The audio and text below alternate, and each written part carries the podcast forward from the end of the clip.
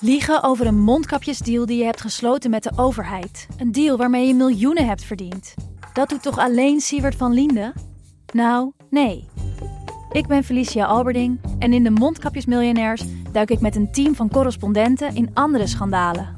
Want wist je dat Siewert helemaal niet uniek is? Luister de Mondkapjesmiljonairs in je Podimo-app. Of ga naar podimo.nl slash mondkapjes. En probeer Podimo 30 dagen. podimo.nl slash mondkapjes. Dit is Jong Beleggen, de podcast. Ik ben Milou En ik ben Wim. en in deze aflevering duiken we in de donkere, diepe wereld van de ETF's. Ja, ze zijn er in alle kleuren en maten. Ja, wat Eh, gaan we allemaal bespreken? Nou, keert een ETF dividend uit en heb je dan ook te maken met dividendlekkage? Heel interessant. En eh, zit je bij een ETF ook altijd gespreid? Dat is nog maar de vraag volgens mij. Ja, en dan hebben we nog de grote jongens, de Big Five. De tech jongens. We gaan, oh, we gaan niet op safari, maar we gaan de, de computer-techwereld bespreken. Ja, heel belangrijk. natuurlijk. Wordt ook heel veel in ETF's meegenomen. En dan was de Giro nog even negatief in het nieuws. Ja, moeten we ook natuurlijk even meenemen. Ja, want we kunnen natuurlijk niet alleen maar lof spreken over Nee. de Giro. En we hebben het over de kernselectie. Ja, en wat daar misschien eigenlijk wel aan ontbreekt. En jij Ja. hebt dan ook nog even voor ons een leuk lijstje met ETF's waar jij in geïnteresseerd bent. Ja, en dan vooral mijn kijk op een ETF. Ja. Eh, en dan met een klein beetje meegenomen mijn eh, pasgeboren nichtje. Ja, is goed. Ik heb er zin in.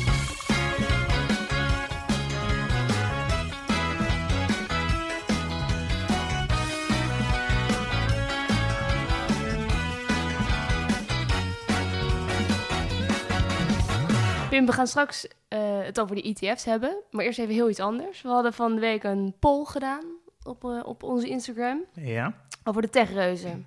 Waarom deden we die poll eigenlijk?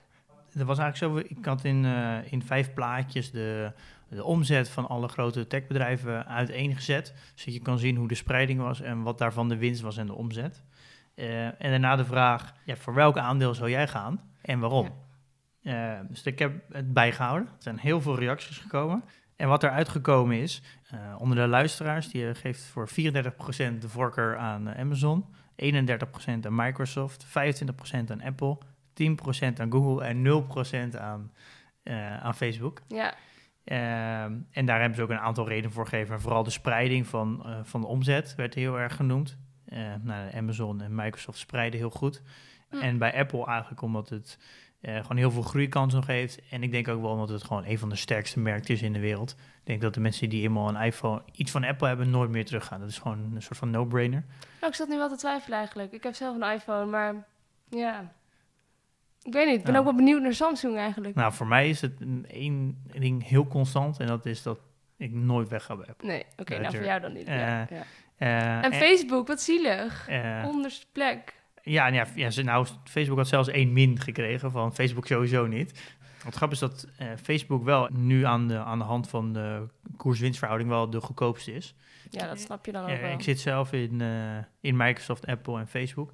En als ik nu zou moeten kiezen, dan denk ik dat ik wel voor Facebook zou gaan. Ik zie in Facebook nog wel het meeste groeipotentie. Eh, Hmm. Ze maken er eigenlijk nog zo weinig gebruik. Als je ziet wat voor producten ze allemaal hebben, waar eigenlijk nog weinig, heel weinig omzet op. Nou, bijvoorbeeld alleen al WhatsApp. Waar ze nog gewoon helemaal niks aan verdienen. Nee. En daarom denk ik, en ook gezien de koers-winstverhouding, dat Facebook eh, ook nog het laagst geprijsd is. Al is het wel een hoger risico, denk ik er. Omdat, ja, eh, ik zou ook zeggen dat Facebook juist helemaal geen toekomst meer heeft. Maar goed, het is meer inderdaad gevoel van, ja, wie gebruikt het nog? De, ja, ja, het is heel erg het sentiment. Ja. nou goed. Al zijn die andere bedrijven ook wel gewoon heel erg een safe bet hoor. Ja, Ik denk eh, dat je prima alles in Apple of Microsoft kan doen. Dat ja echt, als je eenmaal monopolist bent, wat heb je dan nog heel te safe? Ja. Misschien hoef je ook helemaal niet te kiezen. Zij zijn voor zo'n groot gedeelte verantwoordelijk voor de koers in de S&P. Ja. Die moet je eigenlijk bijna wel in je portfolio hebben. Het is te groot risico als je, die, als je die niet in je portfolio hebt. Deze aflevering staat in het teken van de ETF. En eigenlijk de reden dat we deze aflevering maken is vanwege jouw pasgeboren nichtje. Een beetje. Een beetje, ja. Nou ja, ook Hoe gaat het met haar? Ja, gaat hartstikke goed. Ja, ik ben een hele blije oom. En jij koopt nu een ETF voor haar, zodat ze daar de rest van de leven lang, ik bedoel een horizon van hier tot Tokio, plezier van kan hebben. Ja, dat is wel, met die bril heb ik er wel naar gekeken. Ja. Ik ben, ben er nog niet helemaal uit, maar ik ga wel even delen wat ik allemaal eh, heb gevonden. Je hebt er dus een paar op een rijtje gezet, die bespreken we straks. Eerst nog even, wat is dus een ETF? Een Exchange Traded Fund. Ja, goed. Moet- moeten we er nog iets over vertellen? Eh, nou, ik denk dat het, eh, misschien om het nog een verschil te maken, het is vaak een geautomatiseerd groepje. eh, met aandelen die de passief gemanaged is.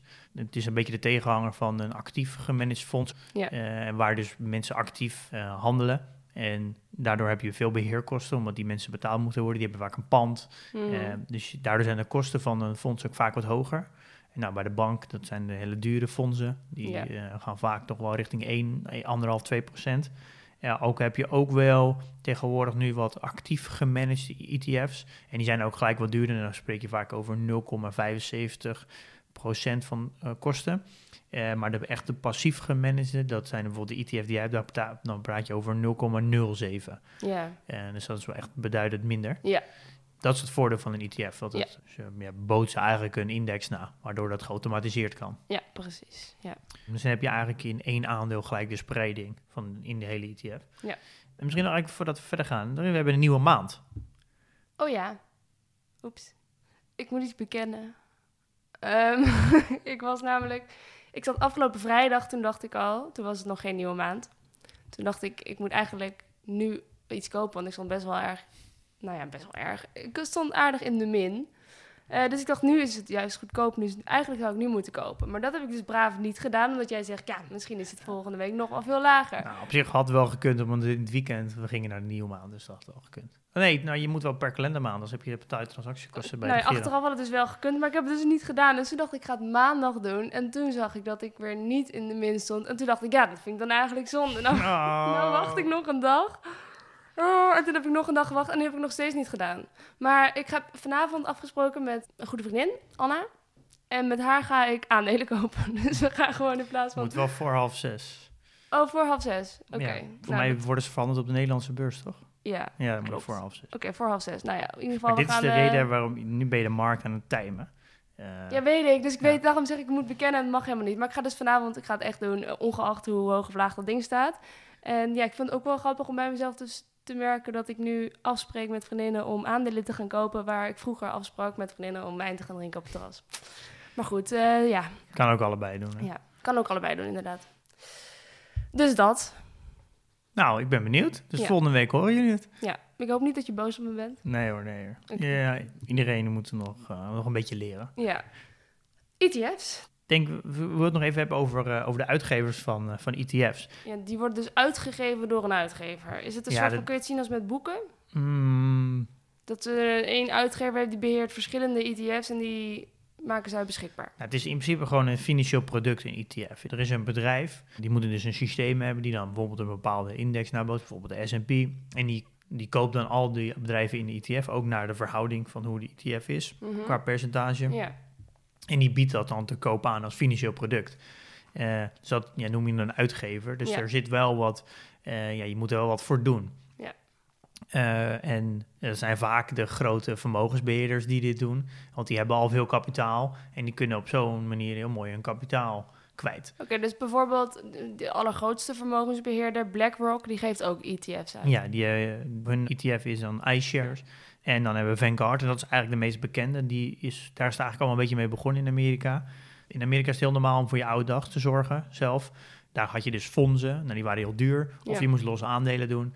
Ze zien, zagen natuurlijk heel erg dat het vooral fondsen nooit de index versloegen, omdat je heel veel beheerkosten had. Dus ze zeiden, je kan beter gewoon de, de, de index nabootsen. En zo is een ETF eigenlijk ontstaan. In Amerika dus. Ja, en dat is natuurlijk moment naar eh, Europa gekomen. En toen zijn er dus heel veel partijen gekomen. Die En hebben we in Nederland ook alweer? eh, van Eck, Oh ja. eh, al is die volgens mij wel overgenomen eh, laatst. Dus dat is, het is nog wel een Nederlands label, maar het, valt weer onder een groter, eh, groter geel. Mhm. En dan heb je ook nog Wisdom Tree, die kom je denk ik ook nog wel veel tegen. Eh, dat zijn een beetje de namen die je denk ik in Nederland, die vier namen zie je heel veel in, De in Wisdom ETF's. Tree. Ja, en die zitten wel vooral in wat specifiekere ETF's. Oké. Ehm, Wat een poëtische titel. De boom der wijsheid. ja? Ja, toch? ja, misschien op zich een... Het is wel iets anders dan Vanguard of Van Eck. BlackRock. Ja, dus daar de, dan weet je een beetje waar dat vandaan komt. En Ja. die namen zie je namelijk heel vaak. Die uitgevernamen staan altijd in de ETF. Dus het is een ETF-naam is eigenlijk altijd opgebouwd uit de naam, dus de uitgever. Ja. Daar begint het vaak mee. Dan heb je vaak, wat is het? Dus bijvoorbeeld een S&P, AX, All World. Dus dat laat een beetje zien wat is de grove inhoud van de ETF.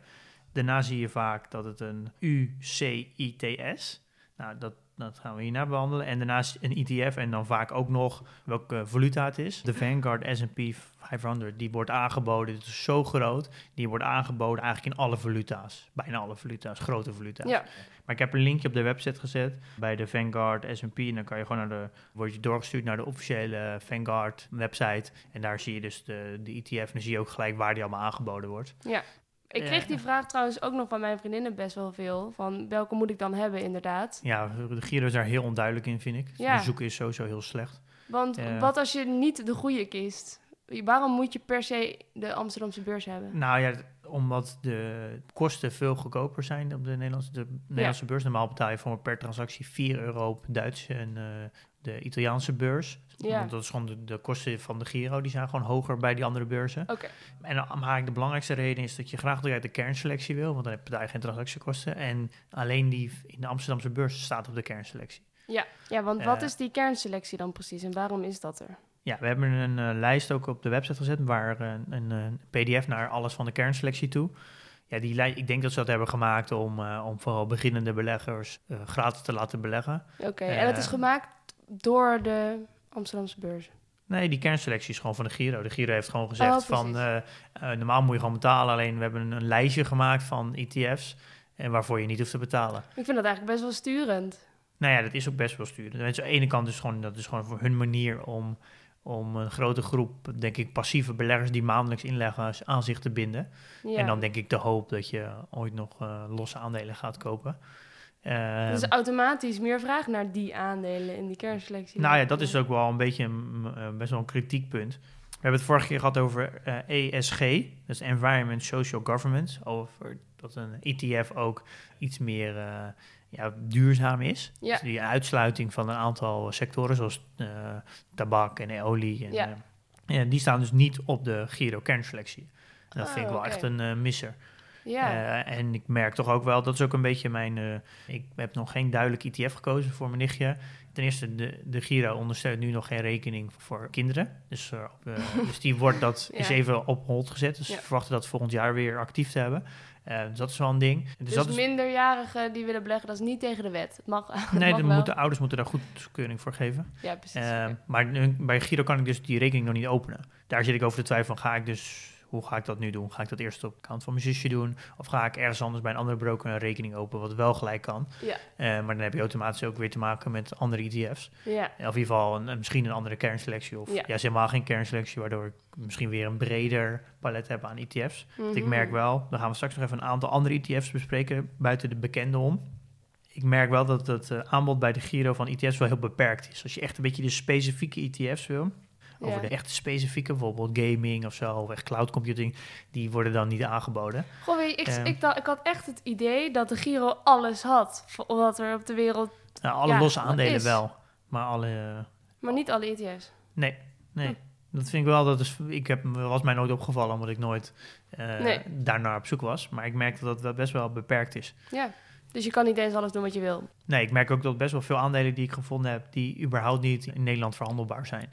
Ben gewoon veel, ja, ik hou gewoon van technologie, ik zie daar heel veel toekomst in. Dus ik zou eigenlijk liever nog de Nasdaq willen, maar de Nasdaq ETF die wordt dus niet aangeboden in, in de kernselectie. Ik, we gaan, ik wil dan wel wat vaker in die 18 jaar wat inleggen. Dat zijn vaak kleine Ja. bedragen. Ja. Ehm, en doordat je kleine bedragen hebt en je hebt wel transactiekosten, je wordt het relatief duur allemaal. Ehm, dus dan, daar is een beetje een afweging die, waar ik nog even goed naar moet kijken. Snap ik. Eh, en ik weet überhaupt niet of ik bij de Giro ga doen, want die rekening kan ik nu niet openen. Nee. Oké. Ehm, ja, even kijken hoor. We hadden het net nog even over. eh, Ja, je zei ook nog over eh Ja. UCITS. ja, dat, ja, daar hoef je eigenlijk helemaal niet zo heel veel van te weten, maar je ziet het namelijk heel veel ETF's staan. Dus ik denk wel goed om het even kort uit te leggen. En het staat voor Undertakings for Collective Investment in Transferable Securities. En wat het eigenlijk inhoudt, en volgens mij in 2008 zijn, is er best wel veel fraude aan het licht gekomen met fondsen, omdat ze de onderliggende waarde van fondsen eigenlijk niet, eh, niet goed vertegenwoordigd waren. En dat was eigenlijk weer doorgesluist, waardoor ze in de EU op een gegeven moment richtlijnen hebben opgesteld. En dat is eigenlijk deze, je ziet als een soort van wet. Ja. En dat is eigenlijk om, eh om beleggingsrichtlijnen te creëren voor alle fondsen, dat alle fondsen gelijk zijn, dat het een eerlijk speelveld wordt. Dus je ziet het heel veel staan, bijna in allemaal. Dus dan, ja, het is alleen maar iets goeds. Het heeft te Oké, maken dus we met... snappen in ieder geval wat dat betekent. Dus het is een soort vleeskeurmerk, maar dan voor ETF's. Ja, ja, ja, zo kun je het wel zien. Met een beetje fantasie kun je het zo zien. Ja. Nou, misschien niet het beste Ehm, voorbeeld. Ja, dus dat, nou, dan kunnen we al gelijk weer door naar het volgende. Wat misschien ook wel goed is om, eh, om zeg maar ook weer heel veel vragen over hebben gekregen. Eh, dat is de dividend in een ETF. Oh ja, want dat vraag ik me... Ja, ik weet het eigenlijk nog steeds niet. Ik voel me een beetje dom daarover. Maar heb ik iets met dividend ook in met mijn ETF? Nou, het komt er eigenlijk op neer dat als je een, als je een ETF hebt en daar zitten natuurlijk eh, bedrijven in, en als één van die bedrijven dividend uitkeert, dan heeft jouw ETF ook dividend. Nou, dus nu de vraag aan jou, jij zit in de S&P, Mhm, Ik denk van wel. hebben bedrijven in de S&P eh, dividend? Ik denk van wel. Nou, dat heb je goed, eh, goed gezien. nou, er zijn, eh, en ehm, nou, zeg dat van die 500 bedrijven die jij hebt, keren er 200 dividend uit. Nou, dat komt op, volgens mij heeft de S&P volgens mij wel een dividend van 1,36 of zo. Ja. Nou, dat dividend, nou, dat is eigenlijk van de eigenaren van die ETF, dus dat is ook een beetje van jou. Ja, Dan kunnen ze eigenlijk voor twee, zeggen. Kunnen ze voor twee dingen kiezen. Ja, ik las iets over distributing ETF's en accumulating ETF's. Dus dat distributing, dat is... Dat is dat je het uitgekeerd krijgt. Oké, dus- precies. Dus dan krijg ik dat elk kwartaal. Ja. Krijg ik dat. Waar krijg ik dat? Dat krijg je op je beleggingsrekening. En zeggen ze dan ook bij dit is je dividend? Want anders ga ik dat natuurlijk niet herkennen. Ja, dat zie je als je, op, als je in de Giro inlogt. Dan heb Ja. je een, eh, sowieso een vrije, vrije ruimte. Dat is dus je beleggingsrekening. Ja. Ehm, daar staat gewoon je overgebleven cash nog op. En Ja. als je helemaal naar onder scrolt bij je portefeuille staat er corporate actions. Daar zie je dus het toegezegde eh, dividend. Ehm, nou, dat is dus in jouw geval krijg je het per kwartaal uitgekeerd. Dus je, krijgt het sowieso binnen drie maanden. Mhm. En dan als je naar rekeningoverzicht gaat, dan zie je daar dat het ook daadwerkelijk is uitgekeerd. En dan wordt het op je vrije ruimte gestort. Dus dat heb je dan. Dat heb je dan. En dan, volgens jou moet ik dat er weer insteken. Ja, dat idee is dat je dat moet gaan. eh Ja. Nou ja, je moet niks. eh dat moet je wel weten. Ja. Maar in je, eigen geval ben je net begonnen, kan je beter maar gelijk herbeleggen. Ja, en dan heb je dat accumulating ETF. Ja, en dat is eigenlijk. Dan ontvangt de ETF nog steeds dividend. Alleen dan wordt het automatisch herbelegd. Dus de ETF gaat het voor jou herbeleggen. Ook gelijk zonder kosten. Oh ja, precies. Dan, dan doet hij eigenlijk wat jij doet, maar dan automatisch. Ja, want zegt dat je, wat er eigenlijk gebeurt, is dat ze zeggen dat ze van alle S&P-bedrijven er 10 aandelen hebben en ze ontvangen alle dividend en dan hebben ze dus inkomen. En van het inkomen kopen ze bijvoorbeeld van, de, van 250 bedrijven een aandeel. Dus dan heb je dus in één keer van 250 bedrijven 11 aandelen en van die andere 200 nog 10. Ja, Waardoor je dus eigenlijk de onderliggende waarde, dus de waarde in de ETF, is daardoor omhoog gegaan. ja oké. Waar jij dan ook weer van profiteert. Ja, precies. Oké. En hoe zie je dat? Of, of, het het een of het ander is? Nou, dat zie je. E- Elke ETF, dus de uitgever die heeft een aparte pagina gemaakt en dat noemen ze een, een fact sheet. Dat is een samenvatting eigenlijk. En er staat altijd de, de kosten, de uitgever, wie doet dat, wat, hoe, wat is de handelsvolumes, wat is de prijs, eh, wat is de onderliggende waarde, wat zijn de performance in het verleden. staat erop. En dan zie je dus ook hoe ze omgaan met ETF. Ja. En hoe, wat zou dat mij dan opleveren per kwartaal ongeveer, denk je? En nou ja, dat zegt dat het ja, tussen de anderhalf en de 2% dividend is. Ik denk dat het rond, meer rond de anderhalf is. Moet je zo even kijken. Ik denk dat als jij 500 euro hebt ingelegd, daar anderhalf procent van. Ja, dat is een makkelijke rekensom die ik niet ga maken natuurlijk. Oké, goed om te weten. Ja, 7,5 euro. krijg je. Dankjewel. Goed. En dan ehm, moeten we dividendlekkage nog bespreken. Ja, misschien wel even kort. Want waarom eigenlijk? Wat heeft dat dividendlekkage? Dat is... Eh, nou, dividendlekkage is... Ja. Elk land heeft zijn eigen, vaak een eigen dividendtarief. Nou, Nederland heeft met heel veel bedrijven in de wereld een, een dividendakkoord... waardoor het altijd op 15% uitkomt. Ja. Eh, maar we hebben het al eens eerder gehad. Bijvoorbeeld als ik een, in Duitsland betaal je 26,5. Dus als je een aandeel in Duitsland Ja. hebt en je krijgt dividend... dan mag je 15% terugvragen bij, de, bij je. IB-aangifte. Maar dan mis je natuurlijk nog 11%. Ja. Ja. die 11% die kan je terugvragen door een speciale brief te sturen naar de overheid en met dat je bewijzen. jij allemaal te veel werk. Ja, dat doe ik dus allemaal Nee, niet. Daarom vermijd ik alle landen die hoger dan 15% hebben. Precies. Ehm, en wat heeft dat met ETF's te maken nou, voor ons? als een, een ETF in een ander land is gevestigd, dan kan die dus eigenlijk alle dividenden niet terugvragen. Omdat vaak die afspraken anders zijn. Waardoor je dus jij niet die 15% terug kan krijgen op je IB-aangifte. Dus dat eh, noemen ze een lekkage. In het geval van jouw ETF heb jij een lekkage. Ik weet niet exact hoeveel die is, maar dat is denk ik tussen de 0,20 en de 0,30 procent. Jij kan dat dus niet terugverrekenen, Nee. eh, omdat je een Amerikaanse ETF hebt. Ja. Dus Ja. dat zou je in wezen moeten bijtellen bij de kosten die je maakt. Nou, je hebt geen Snap ik. transactiekosten, maar je betaalt wel 0,07 procent Ja. eh, van de ETF. Dus dan zou je zeggen 0,2, 0,3 bij moeten doen. Dus dan Ja. kom je uit tussen de ongeveer de 0,27 tot 0,37 Ja. bij- zijn eigenlijk jouw echte kosten voor jouw ETF. Dat kan je wel om, eh, vermijden door, eh, vaak zijn dat Nederlandse bedrijven die ook ETF's uitgeven. En dat noemen ze, zijn fiscale beleggingsinstellingen, noemen ze FBI, noemen ze dat. Ehm, nou, bijvoorbeeld Van Eck heeft dat. En daar kan je dus, dat is dus een, een, ja, echt een fiscale Nederlandse status. Waardoor je dus, als je daarin belegt, kan je dus die 15% wel terugkrijgen. En kun je dan nog steeds ben- dezelfde ETF hebben? Nee, dan heb je ook een hele andere ETF, toch? Dan Nou, je- ik weet niet of de, toeval, ik weet niet of de Van Eck ook de S&P aanbiedt. Maar de hoofdwaarschijnlijk wat je vaak ziet, is dat eh, als Van Eck hem wel aanbiedt, dat die kosten weer hoger zijn. ja, dus de kosten in ETF zijn hoger. Dus het, het levelt elkaar uit. En ja, dan, maar dan moet je, dat is, het, is echt zo, het klinkt als Je moet heel het- erg gerommel in de marge. je moet heel erg goed gaan uitzoeken. Ja. Soms scheelt het daardoor niet zo heel veel. Oké. Maar Ja. is toch, dat gaat over, ja, sorry, maar ik weet dat percentages wel echt jouw ding zijn, maar dat klinkt als heel weinig. Ehm, ja, het is niet heel veel. Mensen kijken er vaak ook niet naar. Maar het kan wel op echt grote bedragen nog wel effect hebben. Ja. Maar dat is wel goed om te weten dat je dat wel hebt. En dat heb je dus Ja. niet bij losse aandelen. Ja, losse aandelen heeft dus ook daar veel meer werk natuurlijk. Wat ik altijd als tip geef, grote ETF's, die heeft vast wel iemand op het internet voor je uitgerekend. Ja. Dus typ gewoon eh, de ETF-naam achter dividendlekkage op Google. Is er vast wel iemand op een vorm die dat voor je uitgerekend heeft. Ja. Eh, en die kosten moet je eigenlijk bij je, je, je TER, dus Ja. je total expense ratio van de ETF tellen. En dan heb je de, daadwerkelijke je netto kosten van een ETF. De total expense ratio, dames en heren. Jawel. Dat zijn de kosten, ja, de kosten van een ETF. Oké. Ehm Volgens mij zijn we wel aan toe om een paar ETF's te horen nu. jazeker. Want heb, jij hebt er een paar uit de kernselectie gehaald, dus van de, ja, ik heb even de de, Giro. de kernselectie doorgespit. En ik heb een aantal uitgepakt die ik denk wel interessant zijn. Die staan ook allemaal op de website, kan je rustig terugkijken. Ook een linkje naar de ETF zelf toe, waardoor je hem ook de f- fact sheet kan kijken en zo. Ja. Misschien te veel om alles in detail te bespreken. Ja, misschien wel. Nou, de iShares AEX is een hele mooie.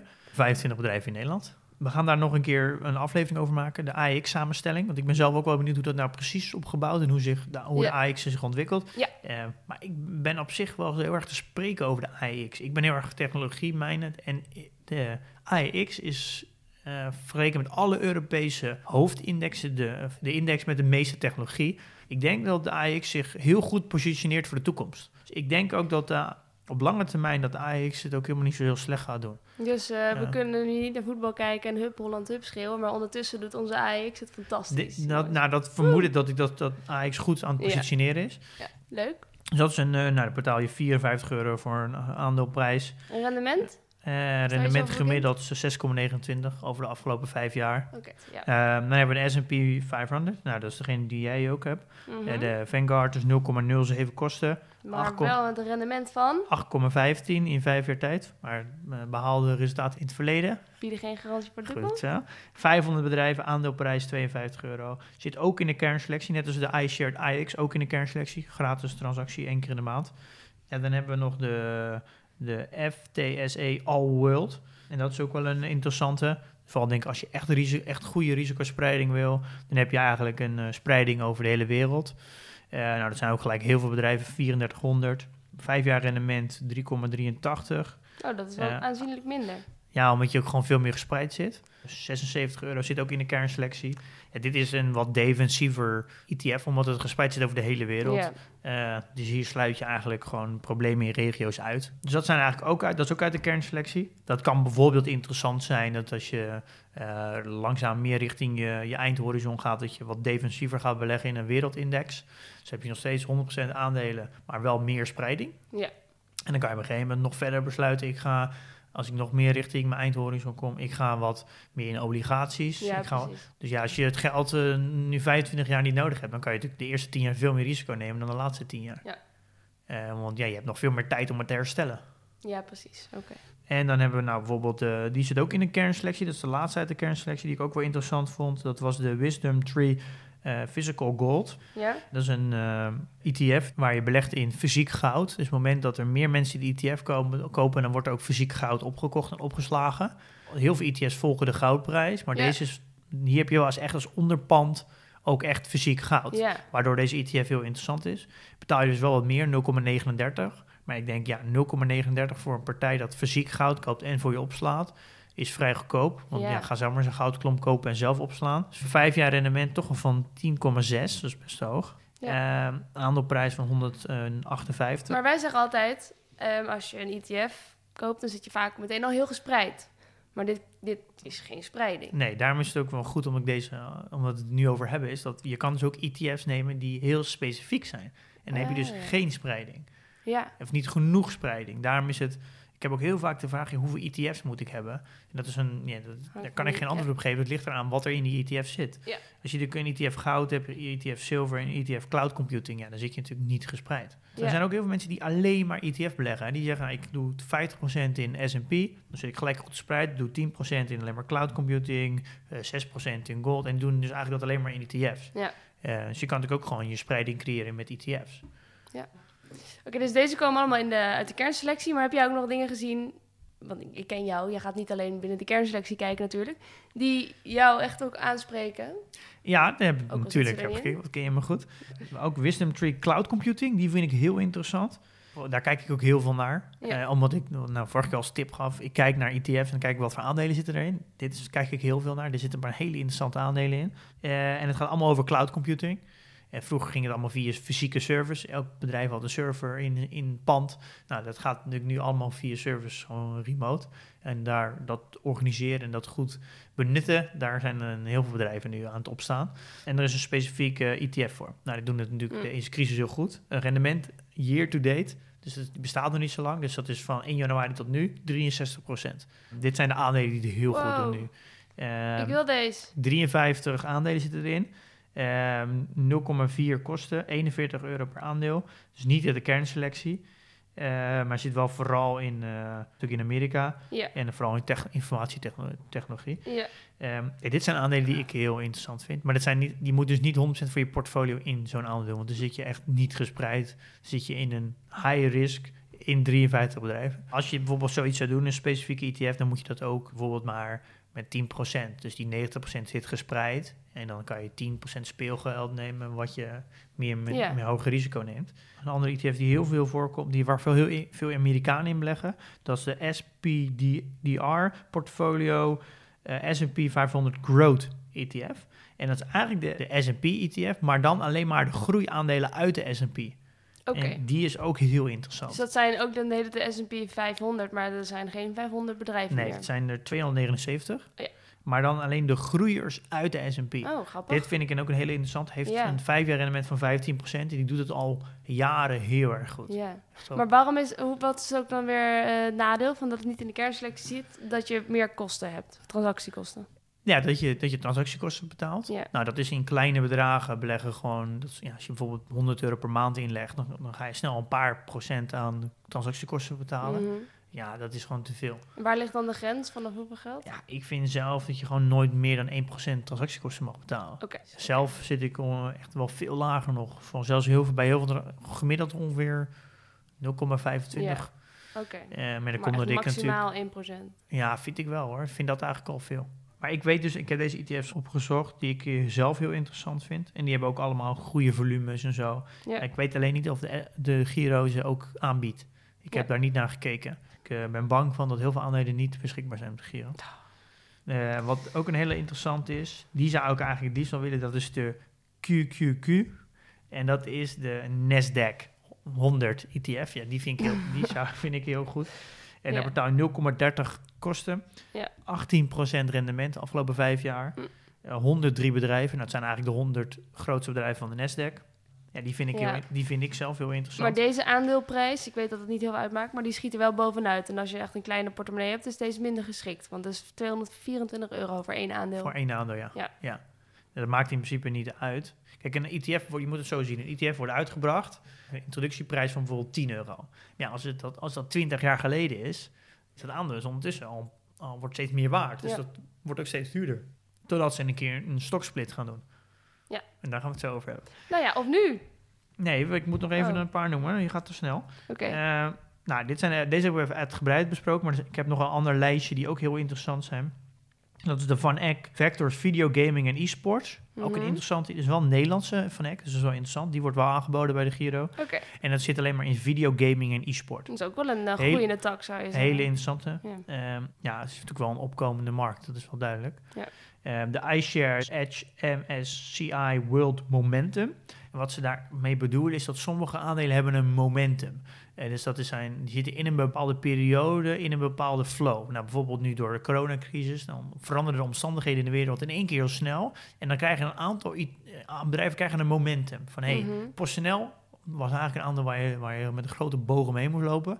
En nu moet je in één keer PostNL hebben, want die kwam later met cijfers ook. Die staat voor een year to date 16% in de plus. Ja. En die doet het al vijf jaar lang helemaal dramatisch. Dus ja. zo, zo'n bedrijf zal dan in één keer opgenomen worden in een momentum ETF. De, en dat is dan een World Momentum. Dat is wel een- ook wel een interessante. Die doet het volgens mij ook iets beter dan de gewone World ETF. Dus Momentum heb je vaak ook in heel veel verschillende ETF's. Dat is ook wel iets waar je naar zou kunnen kijken. Ja. Eh, ja, ik ben zelf heel erg fan van eh, de ARK. Dat is eh, van Cathy Woods. En zij biedt de ARK Innovation ETF. ARKK. Die vind ik helemaal fantastisch. Eh, maar die wordt dus niet aangeboden in Nederland.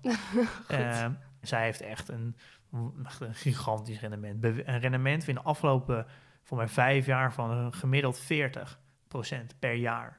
Jeetje, die Cathy. En zij verslaat echt met, van de vijf jaar rendement, verslaat zij volgens mij echt met 40% nummer twee. Ja, Lekker. Ja het, het is echt, zij is... wel eentje om te, even te googlen dus. Zij wordt nu een beetje, zij wordt af en toe nu al genoemd met, dit is de, de, de moderne Warren Buffett. Vet. Het is, heel, is een heel interessante vrouw. Ik, ik wil daar nog een keer eh, binnenkort een aflevering gaan maken met jou over innovatie en beleggen. En dan wil ik haar view op innovatie en beleggen eens gaan delen. Het is heel interessant. goed. Dan hebben we nog de Van Eck Factor Gold Miners. Dit is nu in deze tijd heel interessant. Goud, ik hou er niet van om in materialen te beleggen. Maar eh, met gold miners is een hefboom. Dat als je in miners gaat beleggen die goud mijnen, die hebben net zoveel kosten. Maar als de goudprijs natuurlijk veel omhoog gaat, kunnen in één keer eh, veel meer verkopen. Zij gaan dus ook veel meer mijnen als de goudprijs heel hard omhoog gaat. Dus heb je een extreme hefboom op de goudprijs. Kan op bepaalde momenten een hele interessante belegging zijn. Oh, wat grappig. Ik zou liever in goudmijnen gaan doen dan in goud zelf. Ehm, dan hebben we nog de Oké. Van Eck Factors Morningstar US White Mode. Nou, mode ken je denk ik niet. Nee. Eh, Tuurlijk ik wil niet. daar ook nog een aflevering over maken. Wat is nou een mode en waarom is dat zo belangrijk met beleggen? Maar een mode is, staat eigenlijk voor, als je letterlijk vertaald voor een, een kasteel met een gracht eromheen. En hoe groter de mode, hoe moeilijker bedrijven bij dat kasteel kunnen komen. Dus mode wordt gesproken als het een, echt een, een onwijs goed verdienmodel heeft, een concurrentie voor, misschien wel een monopolie, en waardoor bedrijven eigenlijk nooit daaraan kunnen komen.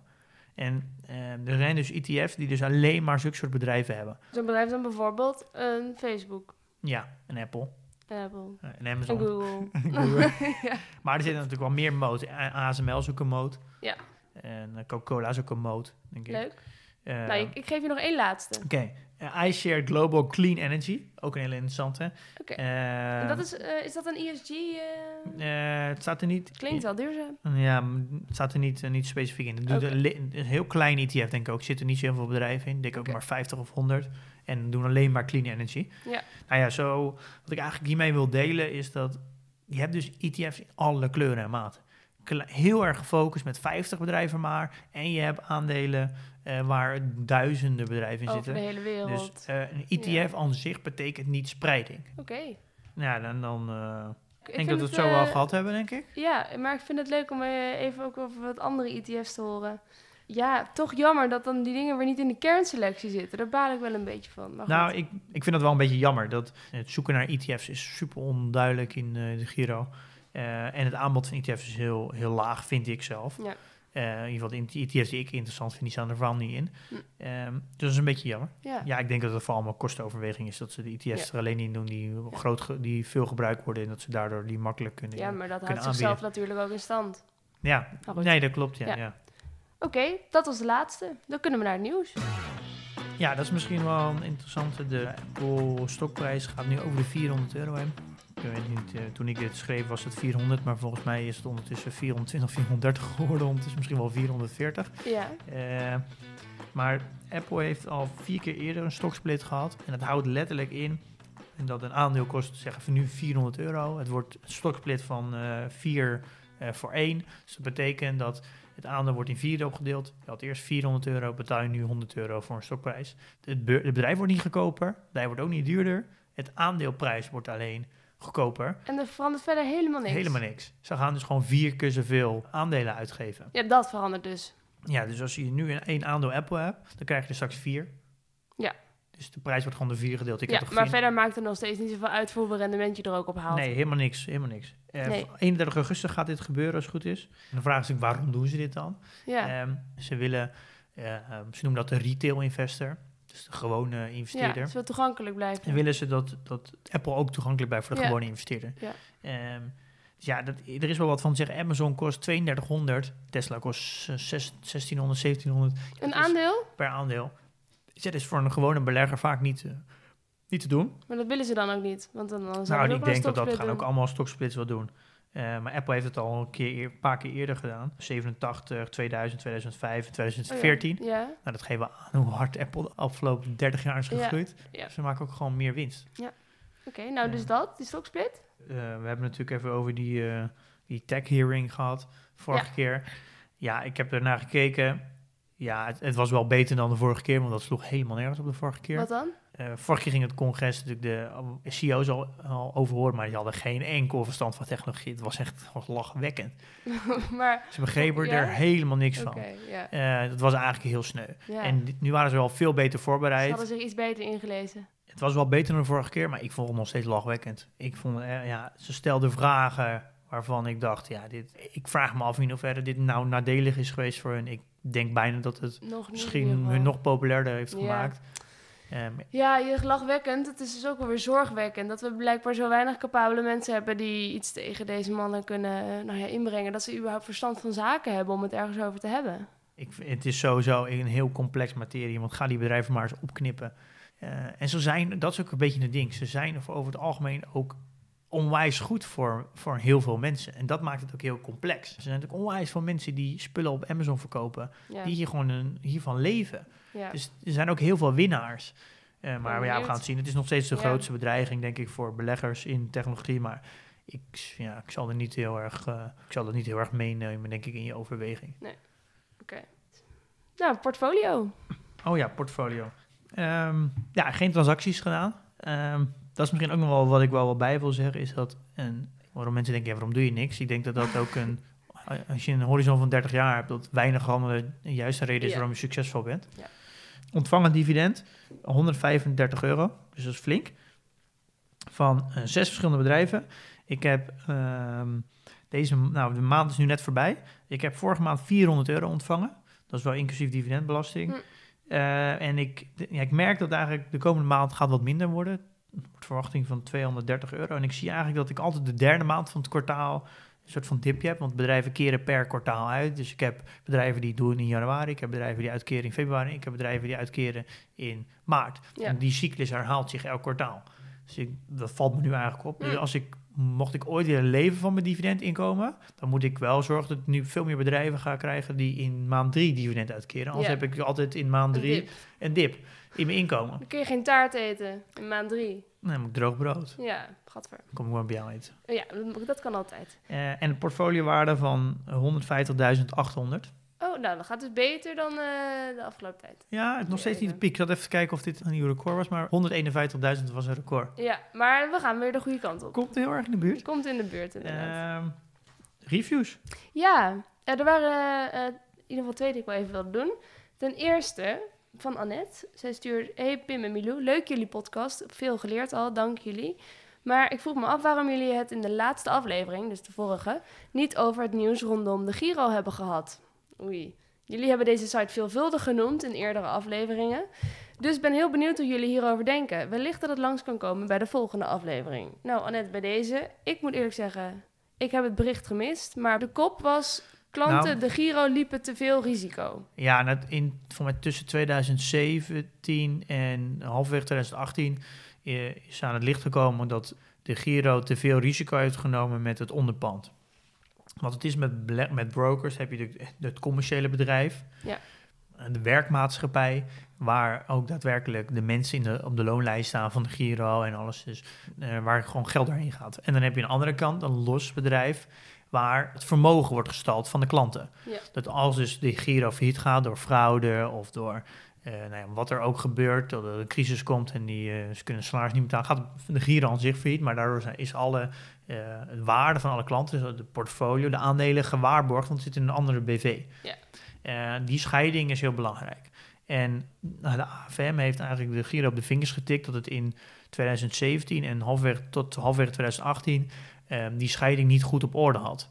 En dat, de, die, eh, dat er tussen die twee eigenlijk zo'n soort van twee bedrijven belangen heen en weer liepen. En dat, Mhm. eh, eh, dat daardoor eigenlijk komt er een beetje op neer dat de beleggers dus, mocht de Giro toen de tijd failliet zou gaan, dus de belegger daardoor wel een risico liep. Wat natuurlijk dan weer interessant is, dat als de AFM dat dus constateert, wat dus eigenlijk in hun regels staat dat dat verplicht is, waarom hebben ze dan die vergunning niet opgeschort? Dat is mij dan de vraag, hoe ernstig was het dan? En wat er eigenlijk, wat mijn punt is eigenlijk, ik wist dit namelijk al een lange tijd. En die rechtszaak is constant weer Ja, gaat eh, bezig. v- van doorgeschoven. En waardoor het nu pas naar buiten is gekomen. Ja. En de Giro heeft het eigenlijk allemaal al opgelost. Dus het is een soort van, daarom komt de, de VEB, de Vereniging Effectenbezitters, ook nu met een, een die wil een, een rechtszaak aanspannen om een compensatie voor het risico dat ze hebben gelopen in het verleden.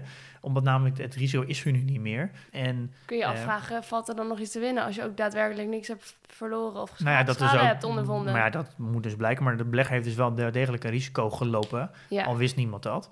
Ik, ja, ik heb het idee dat het op zich opgelost is. En dat het daardoor, ik denk dat de Giro het zoveel gezorgd heeft... dat ze elke keer rechtszaken hebben aangespannen... om het zo ver mogelijk de publicatie uit te stellen.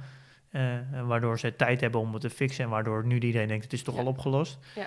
Er is nu naar buiten gekomen dat de, de, de Giro daadwerkelijk fout zat... en een boete heeft gekregen voor een Ja. boete van drie ton. En ze moeten dat nu oplossen. En de Giro zegt dat het al opgelost is. En. AFM zegt, dat moeten we nog controleren. Oké. Nou, het was in ieder geval niet dat wij het wilden bespreken of dat wij in, het, eh, in de broekzak van de Giro zitten. Dat is denk ik ook wel gebleken uit de rest van deze aflevering. Met onze kritiek op de kernselectie. Eh, maar goed opgelet, Annette, een goede vraag. Ehm, Michiel die gaf vijf sterren in de Apple Podcast app, maar die stelde ook een vraag. En die kunnen we natuurlijk niet beantwoorden in de app zelf, dus dan doen we het eventjes hier. Hij vraagt, kan ik niet een ETF in jouw portefeuille kopen? Je manier van analyseren bevalt me. Ja, Kan dat? Nee, nee ja, dat, dat kan helaas niet. Hoe bedoel je? Je kan toch gewoon dezelfde kopen? Oh ja, maar dat kan je, moet je Oh, zo, ik snap wat hij bedoelt. Een ETF van wat jij... Kijk, jouw mandje, zeg maar. Ja, het zou dus in theorie kunnen dat ik ooit een uitgever word Ja. van een ETF. Ah, ik vind het een goed idee. Leuk. Nou, in ieder geval een leuk compliment van Michiel. En hij heeft nog een vraag. Als ik een ETF in vastgoed koop, beleg ik dan in aandelen of in vastgoed? Vind ik ook een goede vraag. Nou, ehm, altijd in, in aandelen. Eh, want en dan moet je zo zien dat een, een bedrijf die handelt in vastgoed. En in een ETF zitten weer meerdere bedrijven die in vastgoed handelen. Ja, precies. Eh, en dan heb je, en dan heb je natuurlijk ook weer tientallen soorten vastgoed. Ja. Van tankstations tot aan eh, panden, Supermarkten. winkels, supermarkten. Nou, je hebt vastgoed in alles. Ja. Maar je zit altijd in bedrijven. Volgende week moeten we nog zeggen wat we gaan doen volgende week. Oh ja. Volgende week gaan we het hebben over... Wanneer is een dividendaandeel ondergewaardeerd? Ja, ik heb op Instagram ook nog een vraag waar, eh, waar jullie als luisteraar eh, graag willen dat wij over praten. Ehm, een beetje inspiratie is soms wel fijn om een beetje te horen wat er leeft. Dus je kan me altijd een mailtje sturen of een berichtje als je, als, we- als je wil dat wij over een specifiek onderwerp eh, gaan, gaan praten. Zeker weten. Nou, dat is. Je had de taart in de ijskast staan, toch? Want daar Ja, die, eh, die vorige keer heb je natuurlijk geklaagd dat, eh, dat, je, dat je nog niks gekregen hebt. Dus, steeds geen taart. dus ik heb een heel groot eh, stuk voor je gehaald. Lekker, dan zou ik zeggen, laten we afzwaaien, want ik heb best wel trek. Nou, laten we dat doen. Oké, tot volgende week. Tot volgende week. Doei! Doei!